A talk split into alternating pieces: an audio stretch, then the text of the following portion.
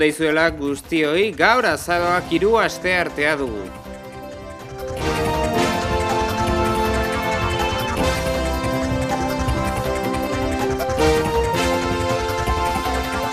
Txapeldunen ligako irugarren jardunaldia hasiko da gaur Real Madridek interartuko du balde bebasen eta Liverpoolek Bergamon jokatuko du Atalantaren aurkatzi irrindularitzan erlojukeko zaioa dugu gaur Espainiako itzulian Muros eta Efaro arteko hogeita mairu kilometroak egingo dituzte gogartza zue elkapen nagusian Richard Carapaz buruan atzetik Roglic amar segundura Garzi minutu terdira eta Dan Martin berrogei eta bo segundura Esloveniarra favorito hortaz gaur maiot gorria berriz jansteko.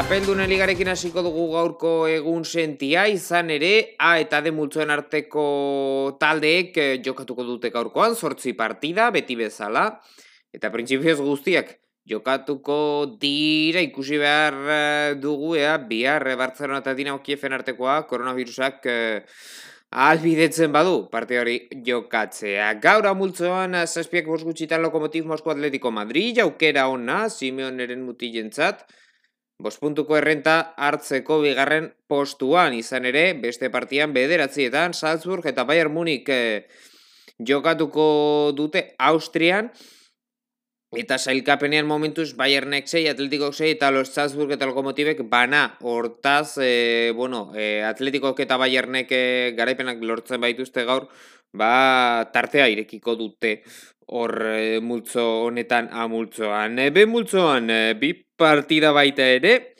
zazpiak bos gutxitan Shakhtar Donetsk Borussia Mönchengladbach eta bederatzietan Real Madrid Inter. Momentuz, e, Shakhtar da, e, partida bat irabazi duen talde bakarra, lau puntu ditu talde ukraniarrak eta buruan dago, mm, Mönchengladbach eta Interrek biak berdindu dituzte, hortaz bi puntu, bak, e, bakoitzak. Eta laugarren postua Real Madrid puntu bakarrarekin, Shakhtar Donetzen aurka galdu, Gladbachen aurka berdindu, Eta gaur Inter de Milanen aurka jokatuko du baldebe bazen e, garaipena lortzea esinbestekoa dirudi talde talde zuriarentzat. Eta bueno, gutxienez eh, ez badu e, irabaztea lortzen gutxienez puntu bat bai beharrezkoa duela. Bestela e, bueno, e, aukera gutxi geratuko zaizkio zailkatzeko finala e, zortzirenetara zailkatzeko.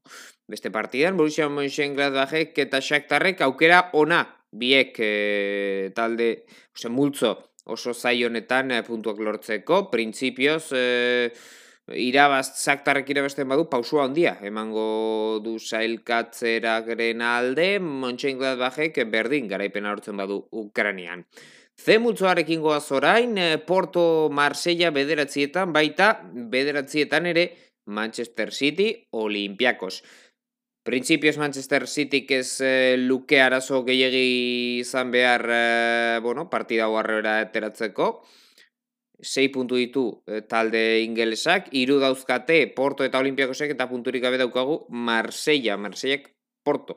Eri egingo dio bisita gaurkoan, eta portokor, eh, bueno, garaipena lortzen badu, eta, bueno, normala litzaken ez Olimpiakosek eh, Manchesterren galtzen badu, ba, bigarren postuan eh, eh, kokatu daiteke. Marseiak hori bai, gaur, eh, azken aukera, ia, ia zailkatu nahi bada, Porton irabazten badu eta Manchester City irabazten badu, ba, iru puntu izan ditzake Marseiak eta Porto eta Olimpiakos baita ere iru punturekin geratuko lirateke, hortaz.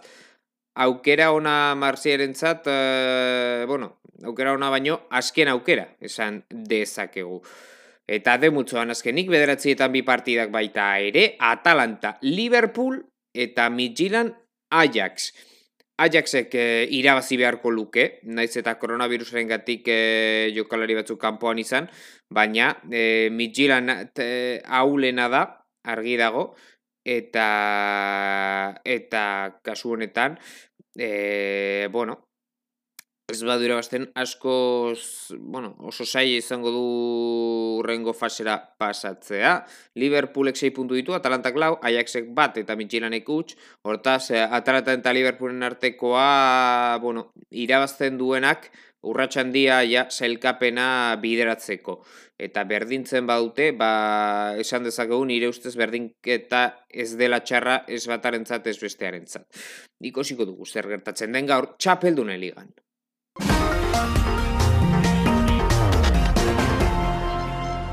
Futbolean jarraitu, atzo gertatutakoak errepasatu behar eh, ditugu. Ligan partida bat izan genuen, Bilarrealek bi, Baiadolidek, utx, Samutxukueze, eta Torresek eta Pau Torresek lortu zituzten golak. Horta, sailkapenean, e, Reala dugu oraindik lidergoan, amazazpi puntu sortzi partietan. Bigarren Real Madrid, amaseirekin, zazpi partida jokatuta bat gutxiago.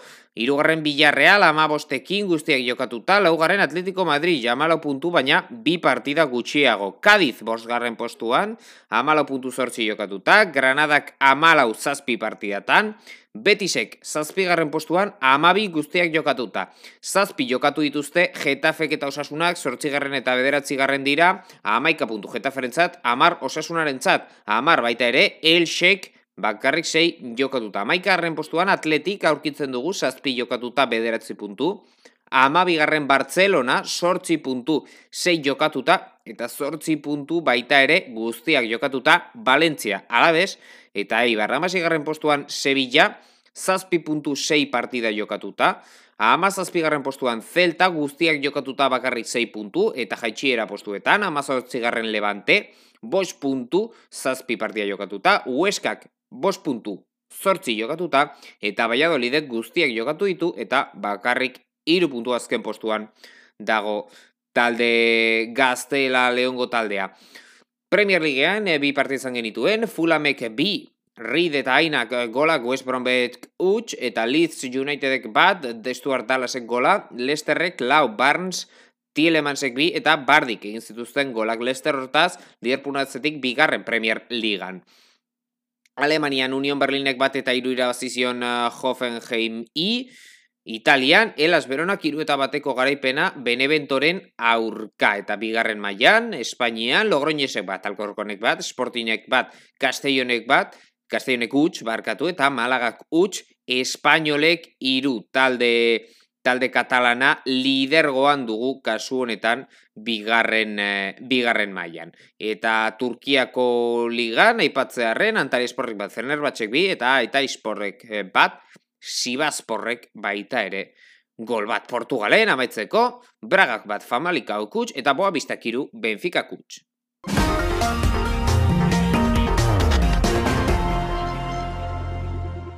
Txirrindularitzan Espainiako itzulian gaurko errojupeko saioa dugu muros eta ezaroren artean.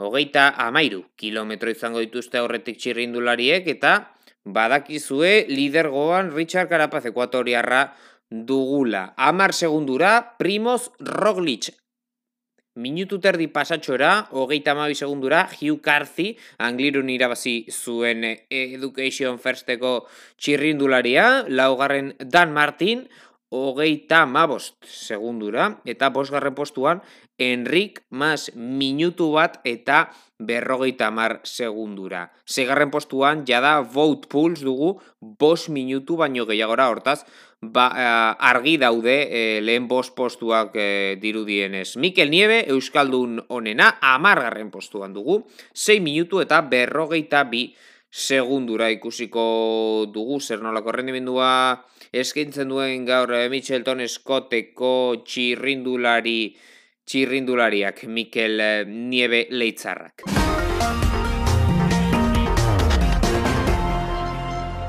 Eta tenisari begira da botatzen amaituko dugu, izan ere saskibaloiko berririk ez daukagu gaurkoan. Hortaz, eh, teniseko zerbait aipatzearen, eh, esan behar dugu, Paris Bersiko, Masters eh, Mila, martxan dugula, eh, badakizue, favorituek lehen, eh, lehen kanporaketa mm, ez dutela parte hartzen, hortaz, gaur partia ikusgarrienak izan daitezke, Ba, adibidez, eh, Babrinka eta Evansen artekoa, eh, Bedenek eta Raonitzen artekoa, txilitxek muteten aurka jokatuko du, eta adibidez Pablo Carreñok estruf izango du aurrean gaurkoan. Hau da guztia, gaurko egun setian, espero dut eh, benetan, e, bueno, mm, eguna disfrutatzea, momentuz etzeratzea gindurik ez da egon eta eta bihar egon gorkana, berde izamen kirol munduan gertatutakoa errepasatzeko. Ondo izan, bihar arte.